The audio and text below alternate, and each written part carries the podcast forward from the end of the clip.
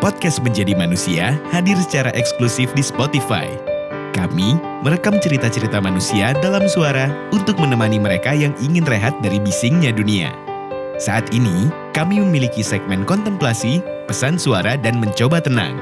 Kamu juga bisa membuat podcast seperti Menjadi Manusia dengan mendownload Anchor di App Store atau Play Store secara gratis.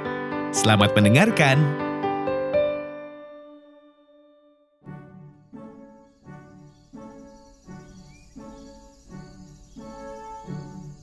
Waktu kecil aku melihat kemerdekaan seperti sebuah kado Natal dari Sinterklas. Sebuah bentuk perayaan besar dari perjuangan-perjuangan hebat para pendahulu yang bisa kita kecap segala nikmatnya sekarang. Meski mungkin beberapa dari kita juga masih belum merasakannya. Nyatanya merdeka adalah padang tak berujung yang mesti kita rawat dan pelihara bersama.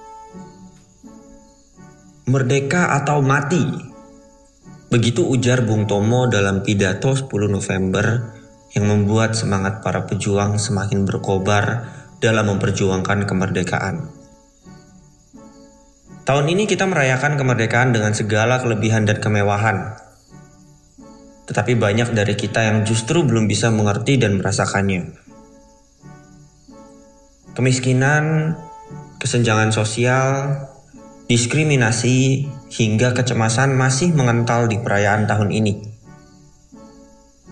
Belajar dari sejarah peradaban, kecenderungan manusia yang ingin menyelesaikan sebuah masalah akan memunculkan masalah yang baru lainnya.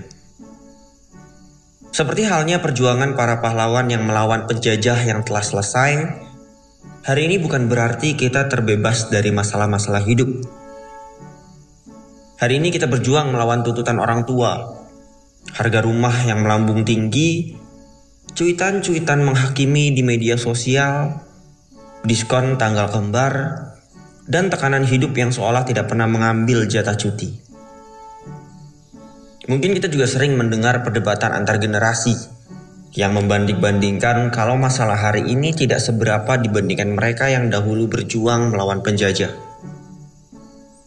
Yang perlu kita pahami adalah bahwa masalah hari ini memang berbeda dengan kemarin. Tetapi bukan berarti perlu membandingkan mana yang lebih berat.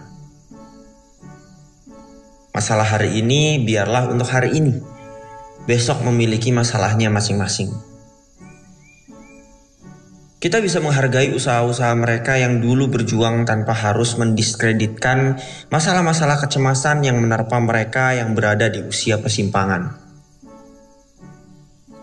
Kerja keras mereka akan sia-sia saja jika kita sibuk hidup mengkotak-kotakan manusia serta egois dalam pengambilan keputusan. Semoga kita bisa berhenti menghakimi kepercayaan masing-masing tidak ada lagi tindak kriminal kecil dibesar-besarkan, sedangkan kasus-kasus besar difonis sebagai ketidaksengajaan. Tidak ada lagi pemangkasan hak-hak saudara kita yang sama-sama Indonesia. Berhenti berujar bahwa mereka kurang usaha jika mereka masih belum berhasil. Sebab tidak semua orang memiliki akses yang sama dan sebagian dari mereka yang memilikinya malah sibuk memperkaya diri, alih-alih berbagi.